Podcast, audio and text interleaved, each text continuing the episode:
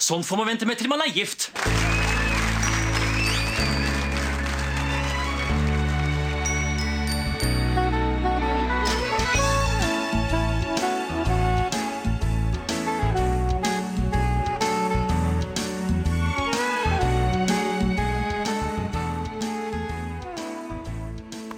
Hei, velkommen til en ny episode av Norsk film filmpodkast. Podkast når vi ser norsk film med et kritisk, men kjærlig blikk. Mitt navn er Emil. Jeg sitter her som alltid med. Stefan heter jeg. I dag eh, så har vi sett det som Dagblad i sin tid omtalte som 90-åras viktigste norske film. Jeg fikk eh, terningkast fem av Dagbladet. Og Men den viktigste norske filmen fra et helt tiår, det er fortsatt bare godt nok for et Emmy. det var da norsk film ikke fikk så gode karakterer. Det ble, det ble ikke lagd viktig nok film i Norge til at det, til at det liksom tilfredsstilte kravene for uh, full karakterutdeling. Nei, det var jo ikke vært en sekser, det her. Og uh, regissøren, han, han tok en sånn der at han En slags sånn gonzo, litt sånn at han at han la seg ut på gata et halvt år og liksom fulgte med som en slags sånn der Petter uteligger og liksom fulgte gatelivet for å liksom få materiale til å lage denne filmen her. Vet du hvilken film vi snakker om, Emil? Det er vel uh, Spå, er det ikke det? Erik? Poppe? Ja. Spåa! Jeg lurte på hvordan man skulle uttale det, for det er jo to, tre a-er i tittelen, og når det er to a-er, så blir det jo å. Mens når det er tre a-er, så blir det kanskje enda sånn tynnere sånn spå. Sånn som CE, at det blir, blir uh, K. Nei, det er Spa, regissert av Erik Poppe fra 1998.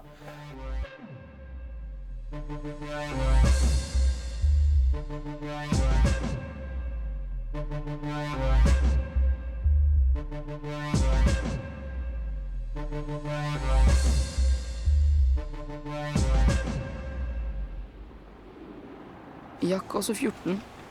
Han er mest av oss i gjengen. Han vil bli gangster. Han kjører alltid folk penger. Din jævla dritt. Driver du og tuller med meg? Hæ? Hæ? Hæ? Hæ? Nei, dere får penger i morgen, skjønner du det, eller? Dere får penger i morgen. I morgen alle sammen har penger, så jeg dreper deg. Dere får penger i morgen. Ikke du kommer med de pengene, så kapper jeg bollene av deg. Skjønner du det, eller din pakkis?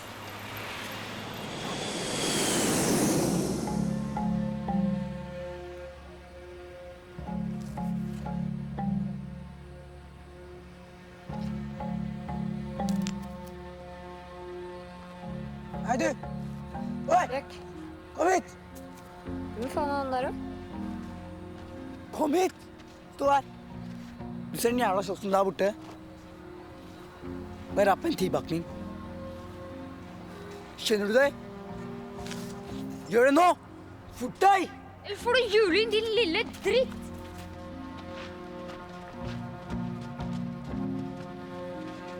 Fort deg! Lillian er bare 11, Trenger vel ikke myr, vi? men voksen for å være så liten. Han bor sammen med onkelen sin. Kan du gå og hente han, eller? Han skulle ha vært her for en time siden. Og så har vi Ali. Han røyker og stapper i seg alt han kommer over. Han er 14, så bor han på ungdomshjem.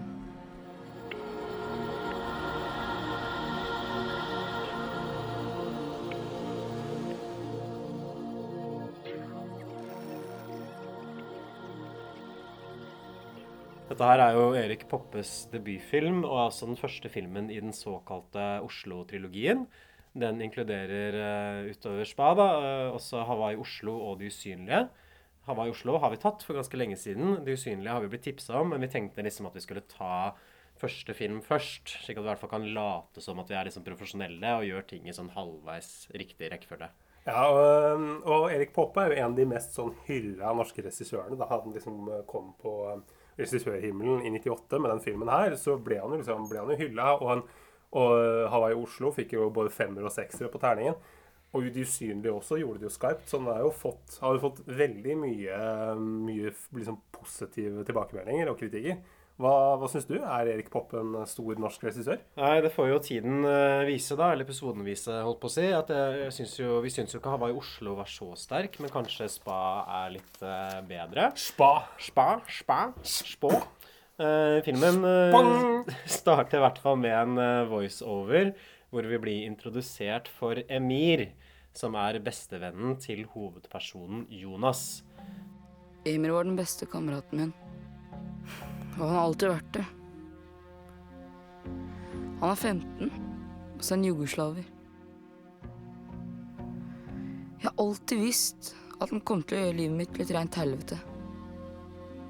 Det gjorde meg vettskremt. Jeg heter Jonas, og er 14. Jeg har alltid bodd her nede i byen. Og jeg har alltid bodd her med mamma. Pappa har jeg aldri sett.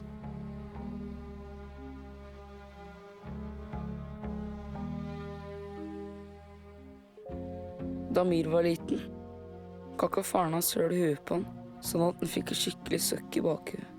Mir hadde lagt seg ned på senga uten å ta av seg skoa. Faren hans er ganske vill. Jonas. Lov å ikke stikke av. Lov at du ikke stikker fra meg.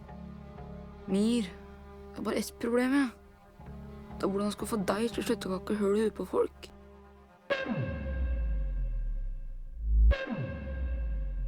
Og Jonas, eh, det er han som har voiceoveren, og at han beskriver at Emir er bestevennen hans, til tross for at han alltid har visst at han kom til å gjøre livet hans til et rent helvete. Ja. Og, um, og det, vi følger da en gjeng med liksom smågutter, mange innvandrergutter, eh, bortsett fra en av dem, som da er Jonas, i, eh, liksom, på Oslo øst. Mye sånn eh, Grønland, gamle Oslo, Tøyen og sånn. Ja, fordi Man skal tenke at han er etnisk norsk, ikke sant? For jeg så på rulleteksten, så skuespilleren han hadde et utenlandsk Nå høres jeg veldig stereo... Litt sånn. Ja, men eh, skuespilleren hadde i hvert fall et utenlandsk etternavn, da.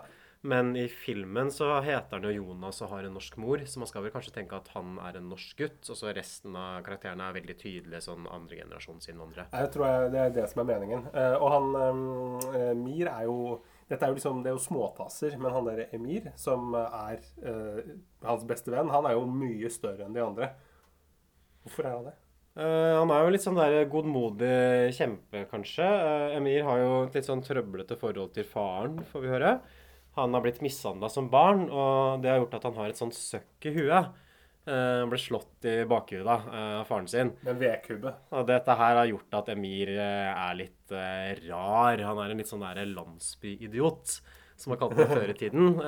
Kanskje litt tilbakestående. Vi skal tenke det, ikke sant? Jo, men jeg tror det, han er litt sånn enkel. Han, han sier jo ikke så veldig mye. Han er jo liksom en, en stille fyr. Men og hos mange liksom, bak stille vann så finnes det liksom en finnes det regnbue og gullmynter. Men her så er det liksom ikke det ikke det er så mye bak det stille vannet. Nei, øh, volden går i arv også, fordi Jonas kommenterer at nå er det Emir som banker hull i hodet på andre. Så etter dette lille anslaget så får vi filmens fortitler, hvor det er liksom glimt av Oslo-natta. Vi ser folk som løper gatelangs, det er noen slåsskamper, mye sånn butikkfasader, lys. Veldig rått og urbant i Oslo på 90-tallet. Ja, shakycam, sånn håndholdt, ristete kamera, som på en måte var, eller fremdeles er kanskje, liksom selve sånn stilindikatoren på at her er vi liksom midt i gryta. Nå er vi ikke på landet eller i forstadene, nå er vi på en måte midt i Oslo innafor Ring 1. Ja, og litt sånn yolo-musikk som du på en måte kan sprette basketball til. Liksom mens du gasser rundt i byen.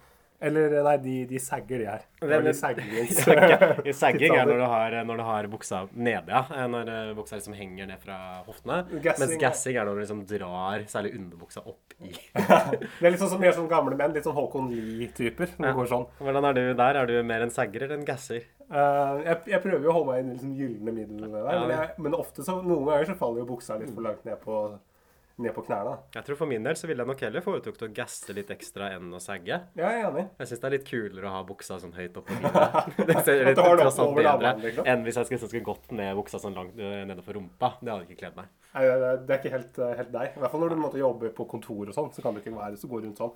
Men um, vi blir jo presentert for alle de andre karakterene, og det er da det er da liksom, det er flere gutter. Det er Jack, eller Jack, som er sjefen i gjengen og stjeler alltid Han skylder alltid folk penger. Ja. Han er litt sånn, litt sånn glattis med litt sånn bling-bling i ørene og liksom sånn uh, midtskill og sånn. Og litt sånn eh, Jeg får ikke helt sånn inntrykk av hva slags karakter han er. Det gjelder vel for alle karakterene i filmen. Ja, det er problemet. Og så er det Lillian. Eh, han er bare Han er bare Hva 11 slags navn er det? Det høres ut som Jeg, jeg hørte at filmen Lillian! Er, Lillian! filmen, filmen er jo inspirert av eh, Gateguttene, den filmen er Arne Skallen fra 1959. Og Lillejan, det høres ut som et navn som hadde passa bedre i 1959 enn i Oslo i 1998, tenker jeg. Bare så at uh, ikke alle norske filmlytterne arresterer deg. Det er ni- 1949. Så det, det, men det, jeg, tror, jeg tror ikke Lillian passet verken i 1940 Passer kanskje enda bedre. Men er det, men er det, det han derre elleveåringen som er så jævlig tøff i trynet, liksom? Ja, han, eh, han er også hvit. eh, og liksom sånn, eh, sånn bleikfis. Ja, og så har du en Ali som er 14 år gammel, og da sier det liksom at han stapper i seg alt han får tak i. Så en ting som er litt sånn interessant her, er at det er jo en sånn tydelig aldersmiks. At er på en måte ikke Det virker ikke som de går i samme klasse, egentlig. Nei. Man får ikke noe sånn eh, inntrykk eller eh, bakgrunnshistorie på hvordan de har blitt kjent.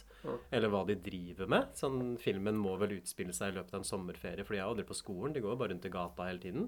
Ja, han, det er en, det er en skolescene helt i begynnelsen der hvor, eh, hvor han Jonas, tror jeg, sitter liksom, liksom i klasserommet, og så sitter han bare og liksom sover, og så kommer læreren bort til ham og spør om Det første han spør, er sånn Er du født i Norge? Liksom, er, jeg vet- ikke om det er på en måte en måte å liksom, Og at han på en måte skal være en eh, Han skal vise omsorg, eller er, om det var omsorg i 98? At læreren skal være, eller at læreren skal være litt sånn rasist, kanskje. Og så er det jo også Ja. den scenen som er noe som gjentar seg veldig mange ganger i løpet av filmen, er at Jonas blir advart eh, mot eh, Emir og den gjengen som han henger med. ikke sant? Du er egentlig bedre enn dem. Du kan ikke kaste bort livet ditt på å henge med de gutta der. Da kommer du til å havne i trøbbel. Og moren også gjentar dette her til stadighet, at du må kutte ut han Emir. Ja, og nå skal vi jo ikke liksom gå helt liksom hoppe på woke-toget, men det er på en måte det er jo, det er jo komisk at det liksom er den ene hvite gutten som på en måte er da liksom han som er den eh, smarte og skoleflinke. Det kan ikke gjort bedre. Og også som skal reddes ut av miljøet. ikke sant? Ja. Det er noe med det som er veldig Om ikke politisk ukorrekt, men jeg tror det er veldig datert, i hvert fall. Fordi filmen hadde jo aldri i verden blitt lagd på den måten her nå i dag.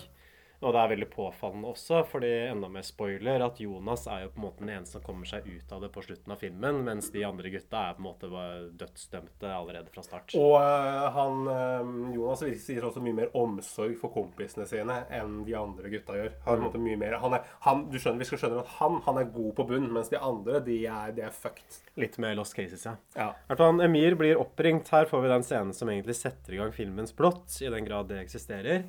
Og han får høre at uh, onkelen hans har blitt satt i noe gjeld. Og da faller det på en måte på Emir om å betale denne gjelden ved å gjøre noen tjenester for et sånt kriminelt nettverk som består av noen sånne eldre innvandrere. Og det de skal gjøre da, at må først, eller de må først banke opp noen, en fyr, og så skal de levere noe drogass til en annen person igjen. Og da tar han liksom og samler gjengen, eh, Jonas og Jakko, Lille, Lillian og Ali, og da skal de gjøre dette her eh, sammen, da. Og filmen er også oppdelt i ulike dager, så dette er jo på en måte dag én. Og dag to det starter da med at eh, Emir setter seg inn i en bil med noen ganske skumle typer, så snakker vel på tyrkisk, tror jeg. Uh, hva er det som skjer i den scenen, Stefan? Husker du det? Uh, nei, det er vel um, De blir vel bedt om å At de skal stjele eh, liksom, De skal banke en fyr, og så skal de liksom samtidig liksom stjele noe narkotika. Sånn Nei, er det. nei, de skal, nei, nei, de skal banke en fyr, og så skal de gi stoff. Så dette er på en måte to helt isolerte operasjoner. Oh, ja. de, får, de får stoff som disse gutta da skal liksom levere til en person, og så skal de også dra og banke opp en annen. Men Ja, det det, det, det, med dopet og han fyren de skal banke, det er på en måte helt sånn separate Det er bare sånn to ulike ting som må gjøres. Men er det, sies det, det var det de sa i bilen? Eller? Ja, eller i bilen så snakker de tyrkisk, så det er vanskelig å skjønne. sier, for det er ikke tekst, da. det, det som skjer i bilen, er at, er at uh, Emir får adresser. Dette er adressen du skal dra og banke opp han fyren på, og dette er adressen hvor du skal levere dopet. Og så drar gutta ut for å gjennomføre det oppdraget. Uh, vi får en ganske sånn brutal scene hvor de banker opp han fyren i leiligheten. Eh, en ting som jeg stussa over eh, Jeg så den filmen her på YouTube, eh, lagt, av, lagt ut av den levende legenden Hugo da King 1337. Som har lagt ut flere norske filmer. Så Hei, Hugo! Ja, Den, den YouTube-kanalen der har virkelig vært gull verdt for meg i arbeidet med den podkasten. Men en ting som var med akkurat den kopien der, var at det var helt ekstremt mørkt. Særlig i de nattescenene. Som du så den vel på DVD, gjorde du ikke det, Stefan? Eh, nei, jeg måtte faktisk ty til den YouTuben. Så det, det var litt vanskelig å se hva som foregikk inni de leilighetene. Ja, helt og- ekstremt! Ja. Det er bare, hele skjermen er bare helt svart Ja. mesteparten av tiden. Ja, jeg stilte opp lysstyrken liksom, til sånn filmmodus med 100 lys og sånn, så likevel gikk det ikke an å se noe. Ja, og så Så satt, bare gikk liksom på soverommet, skrudde av lyset, prøvde liksom å ta så høy lysstyrke på skjermen som overhodet mulig. Lurer på naboene dine tenkte at du gjorde det der Nei, inne. men de tenkte vel bare at jeg var inne der og så på porno som vanlig. Så. Men eh, nei, eh, så, så jeg vet ikke om det liksom er tilsikta eller ikke, eller om det er sånn filmen ser ut, eller det bare er en veldig dårlig kopi som vi så, da. Men det gjør i hvert fall at det er veldig veldig vanskelig å se hva som skjer i mange scener i filmen. Ja. Altså, det er problemet at veldig mange av de langerne og de de besøker, liker å ha det veldig mørkt hjemme. Har liksom veldig lite belysning. Har liksom bare én taklampe eller en sånn stålampe. Ja, fordi gjerne er liksom bildene liksom at det er nesten, hel, nesten hele skjermen er helt mørk, og så er det kanskje sånn én liten lyskilde. Og som regel liksom står liksom utafor der hvor det skjer ting. Så de der gutta driver liksom bare og slåss sånn der helt i utkanten av det lyset. Og man ser ikke egentlig liksom hvem som er hvem, eller ja, hva som foregår, da. Det bryter jo med den gode norske tradisjonen at, at lys er lys, og man skal lyssette alt eh, liksom li- sterkt og fint. Så det har man jo, man prøvd her, da. En ting som er snickers og twist, i hvert fall, er at de deler ut noe skikkelig trøkker. At han fyren får, eh, får det han eh, fortjente, holdt på å si. Og han blir eh, To tette og en badehette for han der. men, de, men eh, de er også litt uskyldige, fordi rett etterpå så får man en scene hvor de stjeler et Donald-dukk. Og så sitter de liksom og leser høyt for hverandre fra Donald. da. Og her legger Erik Poppe, eh, geniet, på noe litt sånn følsom musikk over. Og det som vi skal skjønne her, er vel liksom at det er så tragisk at så unge gutter Ja. har blitt dratt inn i såpass drøy kriminalitet. Disse her skal vi egentlig bare lese Donald Duck og spise godteri, det. Ikke Ja. drive og banke folk på Oslo øst. Og da kommer den fine sånn derre Den fele eller en fiolin Og så litt sånn gitarklimpring i bakgrunnen. Litt sånn nesten sånn ukulele Altså, det er, for dumt, dette her. altså. Ja, det, er- det er en veldig, veldig flau scene. Um, Det kommer, det kommer flauere scener, så bare spenn dere fast og følg med, for det, det blir verre. Eh, ja, er, det, er, det dag, er det dag tre vi er på nå? Ja, nei, vi, vi kan, det, det som skjer da på slutten av dag to, er at Jonas kommer hjem til mamma, og der er strømmen skrudd av fordi Jonas har glemt å betale regninga. Ja, for han må betale Ja, det lurte jeg på også. Hvem, hvilken mor er det som liksom lar den 13-14 år gamle sønnen sin på skråplanet at du kan betale strømregninga? Denne uka er det din tur, denne måneden er det din tur til å betale, Jonas. Ja, og så er mora kjefter på han selvfølgelig. Sånn, du er altfor smart til å være med de gutta der. Kan du ikke kutte ut de? Det kommer til å ende dårlig for deg.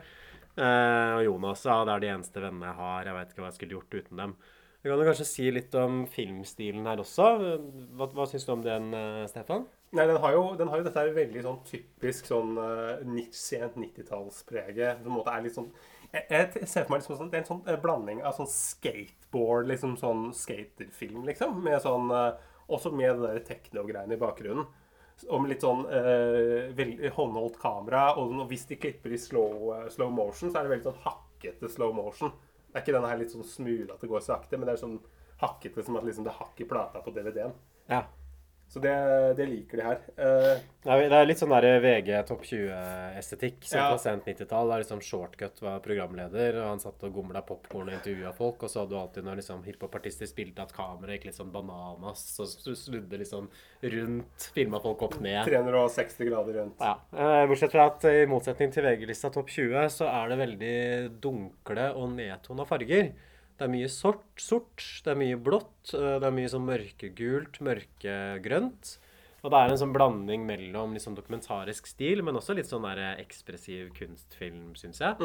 Jeg syns ikke den ser så ille ut, egentlig. Det er kanskje det jeg liker best med filmen. er Ja. Det stilistiske. Faktisk. Jeg syns det er stilistisk kanskje den beste filmen til Popper, faktisk. Ja, i hvert fall av de to vi har sett. Men Hawaii Oslo har jo ikke noe stil, så Nei, den er jo på en måte bare en ren eh, rip-off. Men og det, det vi ser, liksom, er jo her med liksom, Erik Poppe at han er veldig glad i å måte, filme folk mens de løper gjennom rette gater i Oslo. For her òg er det veldig mange løpescener med de gutta.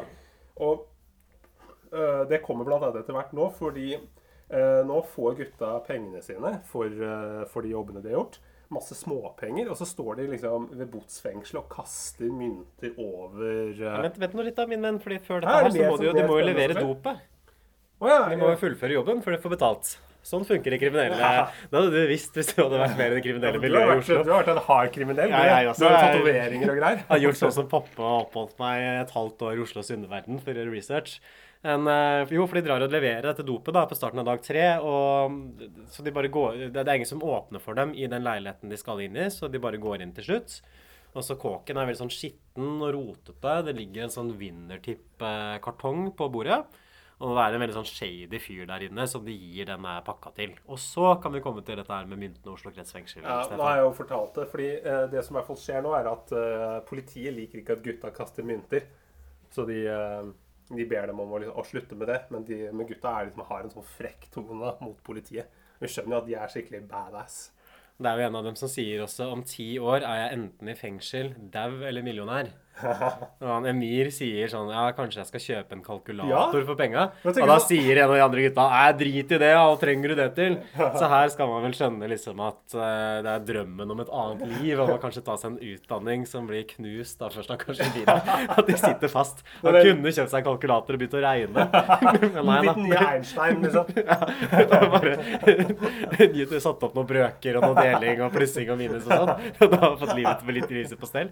Men kalkulator er jo faktisk veldig nytte å ha hvis du er dealer eller kriminell, for du må jo regne på summer og liksom Ja, men blir Du trenger ikke de dyre. Du kan få de der med sånn lite solcellepanel som kan regne pluss, minus og gange. Du trenger ikke sånn Casio som kan regne brøker og algebra og sånn. Hvis du skal fordele dop da, ut til mange forskjellige At du har dealere liksom. Sånn, eh, fak- Finne ut hvor mye folk skylder deg, så er det greit å kunne sette opp en eh, ligning. Faktorisering og typetall kan jo være greit å kunne. da. Eh, jeg leste jo at en del av skuespillerne her er amatørskuespillere som Erik Poppe rekrutterte personlig. Ja, eller Merka du det, eller Stefan? Eller tenkte du at det var sånn profesjonelt nivå på skuespill her? Utrolig høyt. Jeg tenkte liksom at den nye, var, det ene var den nye Jakob Oftebro, men uh, Nei, skuespillet er utrolig dårlig, altså. Sånn alle ja, da, da, da tenker jeg at det er et sånt regiproblem. Fordi Ja, ja. hvis alle skuespillerne er dårlige, så har de fått for dårlig instruksjon hele gjengen. jeg skal ikke kaste skuespillerne under, eh, under liksom eh, politibussen her. Altså, det, er en, det er Erik Poppe som Men- står her er problemet. Men et av de, det som blir liksom trøblete her, er jo at de to dårligste skuespillerne også har de to viktigste rollene i filmen, som er Jonas og særlig denne Emir. da. Fordi han som spiller Emir, har på en måte lagt seg på en veldig sånn monoton eh, stemmebruk. Ja, og et sånt helt dødt fjes. Jeg vet ikke om måte, Det er kanskje fordi han skal være en sånn eh, landsbyidiot, Litt sånn tilbakestående. men uh, det, er, det er ikke noe Da tenker jeg kanskje at han kunne fått en litt mindre rolle i serien. Det blir jo litt vanskelig å like eller være interessert eller bry seg om Emir og de andre, andre karakterene når det er såpass dårlig skuespill. Ja. Fordi man har ikke noe lyst til å se på dem, man har ikke noe lyst til å følge dem. At jeg tenker liksom Hvis man skal lage en film om et kriminelt miljø, eller liksom tragisk miljø, så må karakterene ha litt sånn sjarm, glimt i øyet. Man må på en måte rettferdiggjøre dette er grunnen til at du skal følge disse karakterene. Dette er grunnen til at man skal synes at akkurat disse menneskene er interessante. Og hvert fall når man ikke har noe liksom, Det er ikke noe spennende handling, og det er ikke, noe, liksom, det er ikke, det er ikke en plottdrevet film. Det er på en måte det er karakterene som er sentrale her. Og når, da, når de er så lite utvikla, så gir ikke det så mye. Det, det virker som litt at man har tenkt at eller at Erik Poppe har tenkt at disse gutta her er på en måte kriminelle innvandrerungdom på Oslo øst, og det er på en måte interessant nok. Ja, ja. Så de trenger ikke å ha noe karakterkjennetegn eller noen egenskaper eller noen kvaliteter utover det. For det er liksom det er, eh, det er spennende nok at det måte er gutter fra Oslos underverden. Ja. Så når du sa sitter liksom oppe på Smestad og koser deg med en sånn eh, champagnedrink og eh, ber butleren din om påfyll av is, og så sitter du og ser den filmen her, så skal du da bli litt sånn ja, bare du skal, du skal bli, på en måte bli beveget av det her harde kriminelle miljøet med de her søte guttene som har blitt dratt ut i det der. Men vi kan jo sammenligne med en film som jeg syns er mer vellykka. da. Det er den første Tomme tønner-filmen. For det der føler jeg det, ja? Men det, den er jo bedre enn Spa. Ja, det er den, men det er ikke en, det er ikke en st storfilm. Nei, Leon men- Bashir har jo faktisk en rolle i den her. Ok, ja. Det kan vi komme tilbake, kan vi komme tilbake til. Men, men det, det som var poenget mitt, var at det som gjør at den fungerer bedre, syns jeg, er at der har jo på en måte gangsterne har jo litt sånn glimt i øyet. De er morsomme, ikke sant. De har noe ved seg. De er litt sånn karismatiske typer. Sånn som Leon Bashir sin karakter i Tomme tønner. Han er ikke bare en kriminell gangster, liksom, men han har også en personlighet og drømmer og ting han har lyst til å oppnå. En litt sånn særegen stil. Og det har jo ingen av disse karakterene. De, de, de, de, har ikke noe, noe kjennetegn da, ikke sant? Som, som gjør det minneverdig eller interessant å følge. Nei, men det er, det er jo bare det er, måte, det er, det er bare det gutt nummer én, gutt nummer to, gutt nummer tre. Og så kan du på en måte oppsummere egenskapene i én setning, akkurat sånn som Erik Poppe gjør i begynnelsen av filmen med den der voiceoveren. Men uh, vi må videre, fordi det skjer jo, det skjer jo mer. Uh, en eller annen grunn så er gutta inne i en butikk, så de har fått et nytt oppdrag. Ja, men det er det, fordi det er det at de skal de, må, de, må, de trenger penger fremdeles, for de har ikke fått betalt for dette her eh, De har ikke fått alle pengene de skulle hatt for dette oppdraget. Nei. Og da, er annen, da går de inn i en eller annen mørk butikk som de skal rasere. Jeg tror det er snakk om noe sånn at de skal få en på forsikring eller noe sånt, som de som eier den butikken. Ja, Men de prøver å rane den, gjør de ikke det? De leter etter penger. Å ja, for jeg, jeg, Jeg tror de bare, jeg tror de bare raserer den på faen. Men jeg også sleit veldig med å skjønne den scenen, for igjen så er det så mørkt at man nesten ikke ser noe. Og så, og så det hjelper jo ikke liksom det at kameraet også er veldig ustabilt og shaky håndholdt. Og liksom virrer fra det ene til det andre. Så det er veldig vanskelig å få på en måte oversikt over hvor stor er den butikken, hvor er det karakterene er i forhold til hverandre. Ja, det er umulig å se om det liksom er dagligvare eller porno de selger i den butikken. Mm. Og det ender i, da med at politiet kommer og arresterer to av dem, og arresterer Jonas og han lille. Men det skjer det ikke noe mer ut av, føler jeg, for de slipper jo bare ut igjen. Jo, men du får jo Men her i uh, Ja, for, det, for det her, her, er en- her, er det, her er det mye spennende å ta tak i, syns jeg, i den scenen. Ok? Uh, det er én scene uh, hvor Jonas er da sitter på glattcelle, og så er det montert et kamera i taket, og så ser Jonas opp mot kameraet, og så sier han sånn Jeg vil ikke være her. Og dette her er jo på en måte bare Hvor overtydelig går det an å bli, liksom? Kunne man ikke Altså, det er ille nok det der med den forskremte gutten i sett i fugleperspektiv som på en måte ser opp på det her kameraet. Men hvorfor må du, hvorfor må du gjøre det? Sånn at, sånn at den lille, liksom den 10 da, som har skjønt at han ikke hører hjemme i glattcella, sånn at de også skal forstå det, så legger vi på dette her 'Jeg vil ikke være her'. Altså, Går det an å smøre Jeg har aldri sett noe så overtydelig noen gang i noen norsk film. Nei, jeg er enig. Det hadde vært mye sterkere hvis han bare satt der i taushet og bare så ned i bakken. egentlig. Ja, Han hadde ikke, han hadde ikke tenkt å se opp på kamera. Allerede da blir det på en måte for klisjé. Men dette er liksom, dette er det der poppegreiene. på en måte Du spiller liksom på liksom Du spiller på liksom stortrommen og liksom hele Alle instrumentene, liksom. Kan du ikke på en måte bare gjøre det litt, liksom, litt mer subtilt, da? Men det, er, men det er et interessant grep som de gjør her også. fordi det er et, liksom, et bilde hvor Jonas sitter inne på en glattcelle, og så ser man liksom at døra til glattcella går opp. Og så klipper de sånn fort, og så kom, kommer plutselig Jonas ut igjen. Og så står ja, Emir utenfor og venter på han. Og jeg tenkte liksom at man skulle tenke her at Jonas hadde tysta, og at det var derfor han slapp ut. Ja. Men det, det, er det, det er det jeg mener liksom at det skjer ikke noe ut av det. For de blir tatt med liksom inn på glattcella, men det blir jo ikke sikta for noe som helst. De får bare gå. Men hvorfor ha med det at de blir arrestert i det hele tatt, når det ikke har noen konsekvens for plottet? Ja, altså, Det burde jo skjedd noe her, da. ikke sant? Sett at Jonas måtte bli måte ble overbevist om å tyste på Emil, så kunne man på en måte lagd en eller annen sånn interessant historie ut av det. Det er ikke, eller veldig interessant, i hvert fall litt spennende, da. ikke sant? litt sånn Skal han Uno, på en måte, med Aksel ja, skal han redde seg sjøl, eller skal han liksom eh, Skal han være lojal mot kompisen sin, selv om det kommer til å koste ham dyrt? ikke sant? Hvordan er han løser dette dilemmaet? Vi vet jo at Jonas hadde vært lojal, for han er en veldig god gutt i bånn. Ja, men da kunne han i hvert fall bygd opp en eller annen sånn nerve, for det er på en måte ikke noe sånn dramatikk her sånn egentlig, for det er ikke noen konflikter sånn internt for, eh, for karakterene eller for han Nei. Jonas. At det prøver å bygge opp sånn at han er liksom usikker på hvor han står liksom i for forholdet til han, eh, til han Emir. da. Skal han på en måte ta avstand, eller skal han være med kompisen sin? Men han tar aldri noe valg. Det er aldri noen sånn konkrete situasjoner han kommer opp i hvor han faktisk må bestemme seg. Nei. Er han lojal eller ikke? Nei, han, han, han bare følger med strømmen. og På en måte, det er ingenting får noen konsekvenser. Og så er det også veldig merkelig hvorfor får ikke foreldre vite at det har vært inne liksom, på glattcelle? Ja, Hvorfor er ikke de som kommer og henter henne? Det er bare sånn. Halla, halla, Jonas. Nå må du, du får ikke være sammen med Emir mer. Du må skjerpe deg nå, Jonas. I hvert fall, det, det som viser seg Nå forteller liksom Emir at uh, nå har de gjort det store her. fordi at de har, de har blanda sammen adressene på dette oppdraget de var på. Så de har banka opp han som de skulle gi dop til. Og så har de gitt dop til han de skal banke opp.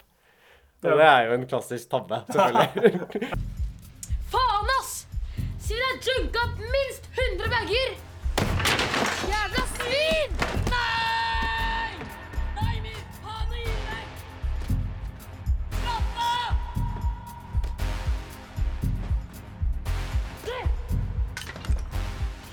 Ro deg ned, for faen! Helt dum, eller? Helt dum! Faen, ass. Slapp av! Svin, ass! Svin! Faen, det mangler herjun her. Fra formue. Vi kan ikke levere tilbake pakka uten nok dop. Faen, må ha penger. Hvem som har penger her? Chill, da. Chill, da. Rolig, rolig, rolig. Morn, du. Nei, du. Trenger ikke gutten der. Han klikker for jævlig, skjønner du. Skjønner du ikke at han har drept en mann? Få se penga, sier jeg. Han er pengene dine? Ta ut alle pengene. Tror du jeg gidder å sone ti jævla år fra fucka opp sammen? Av jakka.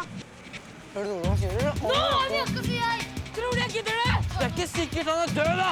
Får du ikke opp nå på den bomba lille huret Hva på, sier jeg. Faen, vi trenger penger. Shit, ass! Det var, der, det var derfor det så så liksom shady ut inne hos han fyren som de ga det dopet. For han var sikkert en sånn junkie, masse gjeld, og så kommer de bare og gir han en pakke med heroin rett i hånda.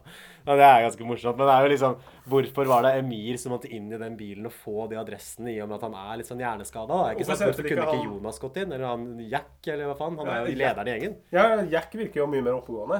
Men det er, det er, også, det er jo en veldig jævlig dårlig organisert gjeng.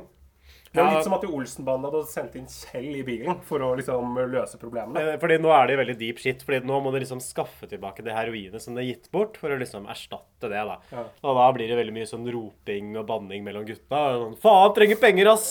Shit, ass! Jævla lok, ass! Hva gjør vi nå? Herregud, ass! mye sånn frem og tilbake, egentlig. Faen, ass! Og så prøver de å rane en kiosk, og det går selvfølgelig rett til helvete. Fordi planen her er at de skal dirke opp en sånn enarma banditt, og så stikke av med småpengene som er oppi den. Og skal Jonas kjøpe pølse imens og rote mye Ja, med en del veldig sånn komplisert pølsebestilling. Og nei, Kan jeg få en med ketsjup? Nei, vent, jeg skal ikke ha ketsjup Nei, jeg skal ha gulrot på pølsa mi. Ja, gulrot det har jeg ikke. Hæ, har du ikke gulrot? Alle tilbehør. Som en slags sånn avledningsmanøver. Um, Emir skaffer noe penger, men så vil han ikke si hvor han har skaffa pengene fra. Jeg tenkte kanskje at det kom til å bli et sånt viktig plottpoeng Ja. hvor han hadde fått tak i de pengene, men det finner man vel aldri ut. Men det stopper bare opp, for jeg tenkte at det, det blir spennende. Igjen eksempel på ganske sånn slapp plotting gjennomgående i, i filmen. Ja. At man legger opp til en del sånne historielinjer, sånn som at den blir tatt inn på politiet. Man veit ikke om han har tysta eller ikke, man vet ikke hvor Emir har fått disse pengene fra. Men så følger man ikke opp.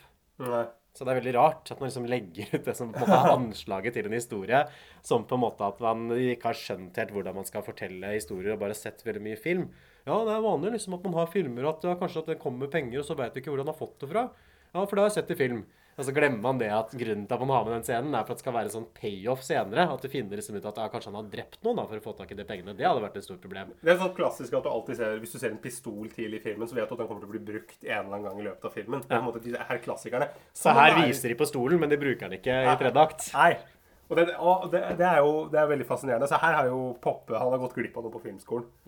Men det, som, det som i hvert fall skjer etter hvert, er jo at de eh, østeuropeerne, eller tyrkerne som du eh, Jeg mener at det er østeuropeere, for at alle norske Eller alle alle gangsterfilmer fra sånn eh, 95 til 2005, det er det alltid østeuropeere, sånn gjerne Kosovo og Bane, som er de slemme. Ja, men du må jo basere det på denne filmen. Ja, ikke jeg bare- alle filmer. Nei, men jeg bare baserer det på teori som jeg har laget for norsk eh, og Filmen heter jo Spa.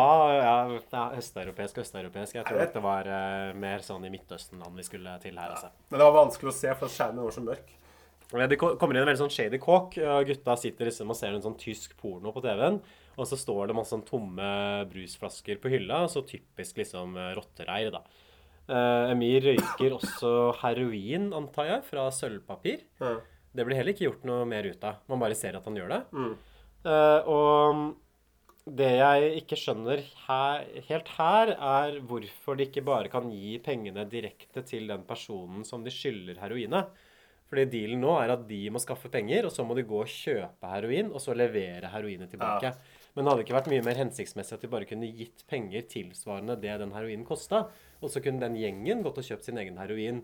Hvorfor skal de sende en gjeng med sånn uerfarne 14-åringer for å gjennomføre en sånn handel som har vært mye enklere for de bakmennene bare gjort sjøl? Men kanskje bakmennene tenker at de, liksom, de vil ikke være, vil være så langt unna den handelen som mulig. For det er farlig. Ja, men de kjøper jo heroin ellers, for det var de, de, det var jo de folka de fikk heroin fra. Eh, For det ender jo selvfølgelig opp med at bare penga blir tatt, ikke sant? At de ikke får noen ting. Mm. Eller gjør det det? Fordi plutselig så har jo Emir heroin likevel, så her skjønte jeg ikke hva som Nei, skjedde. ikke egentlig. Uh, For at de drar plutselig og graver det ned på en sånn kirkegård. Men jeg fikk jo inntrykk av at han ene fyren hadde blitt banka, kom ut igjen, og så hadde han ingenting. Men hvor får de, den, hvor får de det dopet fra som de graver ned? Nei, uh, for det, det skjønner ikke jeg heller. Og, mm, og det er liksom det, Nå blir det liksom enda mer surrete, for da har vi en sånn Det er den derre Nå er det en eller annen I den leiligheten så er det en fest hvor Jonas danser med ei jente som han på en måte tar følge med hjem, og så setter de seg i en bil. Ja, Det er liksom hans love interest. Ja. At han, han er sånn, Vi trenger ikke å bruke noe tid Nei. på det, for at det er så intetsigende. Det er liksom åpenbart at man tenker at man må bare ha med en eller annen dame for ham. og da, ja. Ja, det er spennende, liksom. Vi ser ikke noe mer til henne. Og så og så er det også at de liksom De går på noen togskinner, og så blir plutselig Det er veldig mørkt, og så kommer det et tog. Eh, Emir går med noe sånn headset og bare fortsetter å gå mens det her toget kommer kjørende bak ham. For at hun ikke hører det, hva slags headset var det der? For det så jo skikkelig sånn der wicket ut. At det er sånn seint 90-tall. Det hadde ikke sånn lydisolerende sånn, eh, Boss-hodetelefoner da? Nei, det var sånn Alibaba, det billigste versjonen. Ja, men du hører jo et tog gjennom de Ja, ja, ja. Uansett hvor høyt du hører på. Så Mm. det syns jeg er merkelig. Men han, han Emir forsvinner i hvert fall, da. Husker du hvor det var, eller? Du hadde akkurat Eh, sagt noe, så reiste du opp, og så gikk. Ja. Nei, eh, det, som skjer nå, i hvert fall, er at eh, politiet leter etter Emir. Og han er ikke hjemme, og han møter ikke på Burger King når de andre gutta har avtalt å møtes der. For det er vel Så samme Burger Kingen som de er på i Døden på Oslo S? Ja, det? det er den i Karl Johan. Det, er- Ja. det er ikke Burger King mer der nå. Nå er det sånn Old Irish pub eller noe sånt. Hvor de sitter og røyker inne. Gjør det? Mm, Hæ? på Burger King. Det syns jeg Oh, ja, det, er, ja, det, det er 90-tallet, ja. Oi. Spørs meg. Man sitter og røyker inne på Burger King. At man fikk lov til det til og med som 14-åring. Jeg trodde jo alltid at sånne, at sånne familierestauranter fra USA at de var røykfrie. Ja, jeg synes det høres litt sånn rart ut at det var tillatt liksom, Ja. å røyke på Burger King og Mækkern. At det er jo veldig ekkelt. da Du sitter der liksom med Whopperen, og så sitter det på en måte en fyr og stumper siggen i I der, I pommes fritesen. Ja, ketchup-begrene. Det er ganske fint askebeger. Hvis det ikke hadde vært av papp, så hadde det vært perfekt. Nei, men uh, i alle fall så er det de det Nå begynner det å bli liksom dårlig stemning i gjengen. For før fram til nå så har det i hvert fall vært sånn ganske god indre justis her. på en måte. Men nå klikker de på hverandre og begynner å sparke og dytte en eller annen fyr ned i bakken. Som jeg ikke ser fordi det er så mørkt. Nei, altså det som, det som er greia, er på en måte å bli en sånn konflikt spesielt mellom Emir og resten av gjengen, egentlig. For Emir Fordi Emir tilbake. blir liksom drøyere og drøyere, da. Nå kommer Emir tilbake igjen. Ja, han gjør det. Uh, etter hvert. Uh, vi kan jo kanskje bare gå kjapt gjennom Det er liksom frem og tilbake her, men det er ikke vits å måte gå gjennom alle stegene. I hvert fall det, Der hvor det slutter, da, er at Emir stikker av med det dopet som de har gjemt sammen. Og så forsøker han på en måte å levere det på egen hånd. Og det ender opp med at han får skikkelig skikkelig juling. Og så finner Jonas ham og tar ham med til sykehuset, eller kjører en bil med ham til sykehuset. Og så klipper vi plutselig fram i tid. Og da har Emir blitt uh, hjerneskada, sånn ordentlig hjerneskada nå, at han ikke klarer å snakke. Og så sitter han i rullestol på et sykehus, og så sier liksom voiceoveren sånn Ja, Emir er fortsatt kameraten min. Og der slutter filmen. Åh, rørende. Og, um, og så kommer det en sånn epilog på slutten med liksom tekst på skjermen som sier da hva gutta gjør. Så det er blant annet at eh, Emir, fortsatt, eh, han er fortsatt på rehabilitering, men har fått elektrisk rullestol. Ja, og så Jack er sendt til slektninger i Pakistan. Etter mer enn 20 anmeldelser for grovt ran, skadeverk og omsetning av narkotika fikk foreldrene nok. Og det som også er påfallende her, da, som vi sa innledningsvis, er at alle har egentlig Det har egentlig gått veldig dårlig med alle sammen. Bortsett fra Jonas, som har vist en evne til å holde seg unna bråk. Så han har i hvert fall klart å komme seg Åh, ut men det var godt, her. da. Så det var Han var jo godt så se. flink. Men det hadde jo kanskje vært bra hvis man kunne fått sett Hvis poenget er liksom at han kommer seg ut av dette miljøet, at man kunne se det i filmen. på en måte. Ja. For det er jo en sånn ting som kunne vært en sånn interessant historie. Istedenfor så får man denne opplysningen bare liksom i en sånn tekstrute på slutten. Å ja, ja, men greit, det er bra at det gikk til slutt, da. det er liksom et eller annet med Hva er, hva er poenget her? Fordi det, det, det føles jo for meg som en veldig sånn moralistisk slutt, egentlig. Veldig, ja. Sånn kan det gå når man havner på skråplanet. Og det blir jo en veldig lite sånn tilfredsstillende avslutning på filmen også, for man får ikke noe sånn forløsning, det er ikke noe dramatisk vendepunkt. Det er egentlig ikke noe særlig konflikt i filmen heller. Det som skjer, er at situasjonen gradvis blir verre og verre, og så skjer på en måte det verste som kan skje, og så slutter filmen. Og så får man den der tekstboksen som, som liksom viser hvordan det har gått videre, da. Eh, så det føles veldig sånn lite tilfredsstillende ut eh, fra et sånn historiefortellingsperspektiv, syns jeg. Mm. Ja, jeg er enig. Og, um, og det, som, det som også er liksom en, en svakhet som jeg, som jeg, eller, det, nå, Dette er jo Nå sporer jeg litt av her, men det som jeg syns er veldig irriterende med den, med den film, måten han lager film på, det er jo at, at det er musikk i bakgrunnen hele jævla tida. Og så på en måte alt er så, det er så utrolig overtydelig. Og så er det eneste gang det er stillhet, er når, eh, når han Emir eh, ligger hvileløs på bakken der. Da bruker han stillhet som et sånt uh, virkemiddel. Ja, det er veldig sånn generisk filmmusikk også, sånn stemningsmusikk på en måte. Mm. Som ikke gjør noe interessant. Det er ikke noe kontrapunkt til scenen i det hele tatt. Det handler bare om å underbygge atmosfæren og på en måte det moodet da, som filmen ellers forsøker å formidle. Mm. Så det jeg føler at det er litt sånn der la, latskap fra, som et filmhåndverk, egentlig. Mm. Fordi ideelt sett så burde man jo forsøke å kommunisere så mye som mulig gjennom bildene og gjennom klippinga og på en måte det filmatiske og historien, og ikke være avhengig av å ha noe trist musikk i bakgrunnen for å få publikum til å føle seg triste. Nei, nei, du trenger ikke den fiolinen. Men det, det er kanskje Nei, men Poppe, Poppe trenger du jo, for han er, ikke, han er ikke i stand til å bruke filmmediet på en god måte, slik at han kunne klart seg uten. Nei, og han er på en måte i tillegg eh, Han er åpenbart heller ikke tro på sine egne skuespillere. Nei, det med god grunn, da. Ja, det er også det andre hovedproblemet i filmen, egentlig, utover manuset, er at skuespillere rett og slett er for dårlige til at det er mulig å være noe særlig engasjert i handlingen, eller bry seg om spesielt denne Emir, da. I og med så mye at filmen på en måte står og faller på hans karakter. At han er på en måte den viktigste karakteren i filmen og filmens egentlige hovedperson. Han som driver plottet videre. Men da går det ikke an å ha en så svak og innadvendt og fomlete skuespillerprestasjon i en så bærende rolle. Og det burde man ha sett liksom, tidlig i innspillingen eller under øvelser og bare bytta den på andre. Sorry, altså. Det, det funker ikke. Nei, um, jeg, har alltid lurt på liksom, hvem som trekkes til liksom, Erik Poppes filmer. Og jeg synes han gjør noe sånn det er noe, sånn det er noe gjennomgående likt i alle filmene hans. At han på en måte prøver dette her og på en måte skildrer sånne veldig sånne tragiske menneskeskjebner. Men på en måte med sånn helt sånn overtydelig liksom, bruk av liksom, kamera og, liksom, og musikk. Det er liksom gjennomgående. Det, er det, det var det i Hawaii Oslo som vi så. Jeg syns også huske at det er sånn i det usynlige. Det samme greiene. Og han har en sånn, det er en sånn målgruppe for de filmene her som jeg ser for meg er eh, mennesker som har sett liksom, som har sett fryktelig lite film, og som er veldig lite engasjert i film. Og som ofte eh, nå, nå, skal jeg liksom, nå skal jeg generalisere her. En måte det, er, eh, det er veldig mange kvinner, spesielt i omsorgsyrker, som har en tendens til å like liksom, Erik Poppe.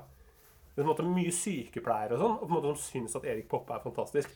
Og det er på en måte sikkert fordi måte selv bak selv det dårlige skuespillet den, og den helt ræva musikken og dette overtydelige, selv bak det så finner de liksom så greier de jo på en måte å fatte sympati for de karakterene her. Mens det- for deg, sånne hardhauser som deg og meg, så må det litt mer til. Kan jeg slenge inn enda en fordom her òg, eller?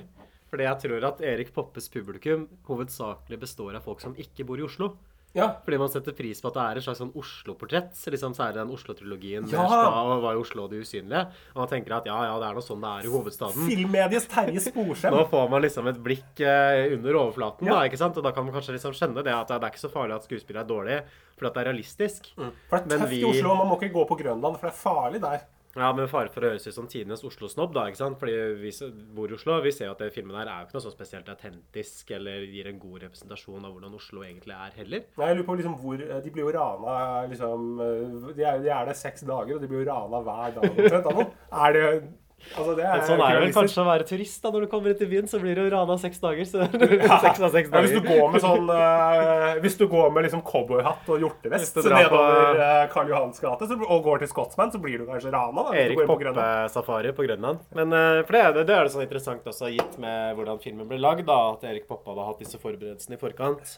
Synes du at filmen føles autentisk ut? Sånn i skuespill, dialog Jeg ble jo overrasket over at han hadde bodd eh, liksom, observert på gata i et halvt år før han laget det. Jeg synes Det er, det er jo ikke autentisk i det hele tatt. Det er på en eneste kanskje tittelen som er autentisk. Det er Jeg syns, er, i og for seg at jeg kan kjøpe det, i hvert fall sånn når det kommer til dia- dialogmessig, fordi dialogen er jo veldig enkel. Jo, men det er poeng. Det er mye sånn 'Kom igjen, da! Herregud!' Og så det, det, sånn kan jeg på en måte kjøpe liksom at folk oppførte seg på slutten av 90-tallet. Men spørsmålet er jo liksom Gjør den autentisiteten filmen noe mer interessant som film? Og det er et eller annet med det at man virker ofte som at man tar det for gitt. liksom Hvis noe er autentisk, så er det også bra, og så er det også spennende. Men det at noe er autentisk og virkelighetsnært, hvorfor skal det være et kvalitetstegn når det kommer til film? Nei. Når jeg går på kino eller ser en film, så vil jeg jo se film. Hvis jeg har lyst til å se virkeligheten, så kan jeg bare gå på Grønland sjøl og se meg rundt. Eller så kan du se en dokumentar om noen gutter som bor på, liksom, uh, ute på Grønland og liksom kuker rundt. Da vil jeg jo heller se det. Ja, men jeg føler liksom at uh, den her, og kanskje ungdommens råskap også, viser det hvor feil det kan gå på en måte når man forfølger bare autentisiteten som en verdi i seg sjøl, og man tror at det at det er autentisk gjør det bra. Mens det man egentlig trenger når man lager en film, er liksom gode karakterer, gode skuespillere, minneverdige hendelser, tydelig dramatisk nerve, original plotting, og det er jo ingenting som, av det som er til stede liksom, i den filmen her i det hele tatt.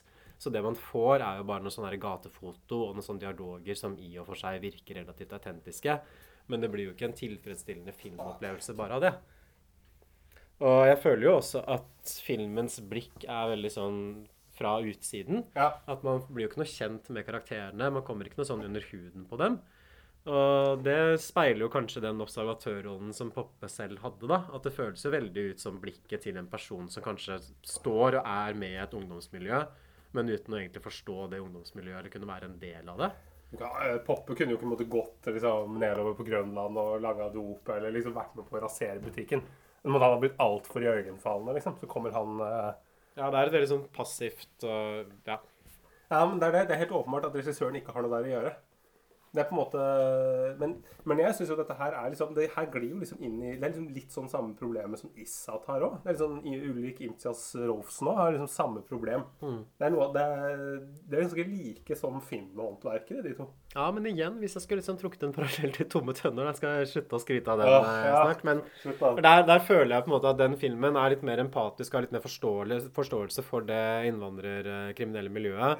Fordi at den Jo, jo, hør, hør på meg da. da. Fordi at den skildrer på en måte det innvandrermiljøet, eller kriminelle miljøet, burde jeg si. Ikke at det er synonymt, men i hvert fall dette kriminelle miljøet som de selv skulle ønske at de var. På en måte. Så det er på en måte skildra fra litt mer sånn innenfra-perspektiv. Ja. At det er sånn Hvis folk Mhm. fra det miljøet skulle lagd en film om seg sjøl, så kunne det sett ut som tomme tønner. Men Men hvis en sånn bleikfis som Erik Poppe kommer og lager en film, så ser det ut som spa. ikke sant? For Ja. da bare skal han vise det som autentisk, men det er jo ikke noe interessant, og det gjør jo ja, Men vet du hva dette er? Dette er, dette er sosionomens film. Det er på en måte sosionomen som kommer utenfra. Og man skal vise liksom hvor fælt de guttene har det, men de er så gode, jævla gode på bunn.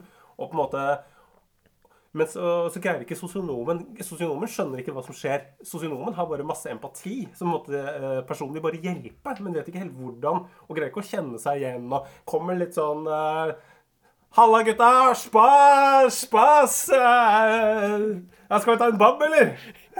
Er så, så, så Erik Poppe er altså filmskaperen for kvinnelige sosionomer som ikke bor i Oslo? Ja. Helt uten tvil. Som er gjerne, gjerne sosionomer som har sånn utdanning fra sånn Volda eller Sogndal eller sånne steder. Langt unna Eller N- NMBU. NMBU. Eh, Terningkast To. to.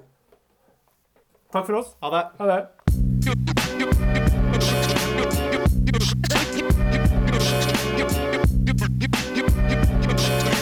Oslo Bys kan det skifte nattens.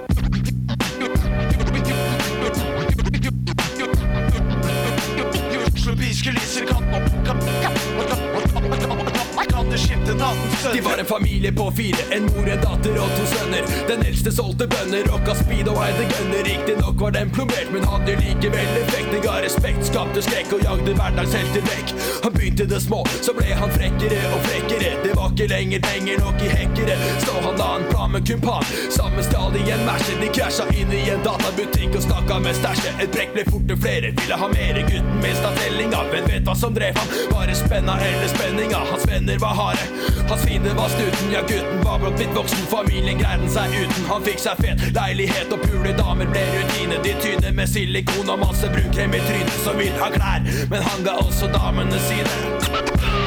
Uten å fortrekke en mine, for han var kald og hjerteløs. Aldri nervøs, har mot i harde, seriøs, samvittighetsløs. Han brukte bord for å bli svær, tok sol og pleide seg selv. Han brukte avbitertang når han krevde inn gjeld. Han sto hvis noen slo han, han regjerte fra tronen, for han var kongen i miljøet. Fornøyd med situasjonen, men det var noe i drømmene hans om natta som plaga han. Det var en tolv år gammel spinkel, bleik og blodig gutt som jaga han. Pass deg nå, veit du bare ville være rå. Du ville leve uten grenser, men det er ting du ikke enser. Samme hva du måtte tro, så fikk det store konsekvenser. Pass deg nå, pass deg nå.